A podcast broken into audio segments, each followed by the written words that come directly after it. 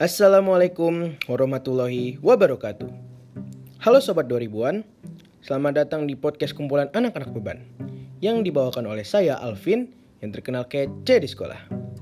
Hari ini saya akan membawakan buku hasil karya Master Profesor Raditya Dika yang berjudul Koala Kumal yang ditulis oleh Raditya Dika, diedit oleh Windy Aristanti, Penerbitnya Bagas Media, tahun terbit 2015 dengan ISBN nomor 978 strip 979 strip 780 strip 899 strip 0.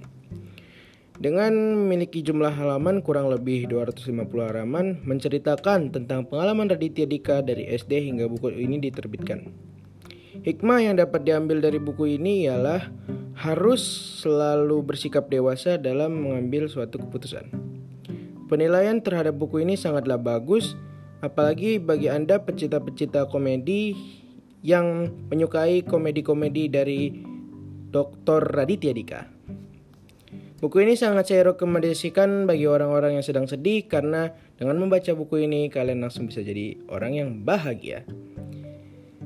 Sekian dari saya, saya pamit undur diri. Adios, salam anak 2000-an.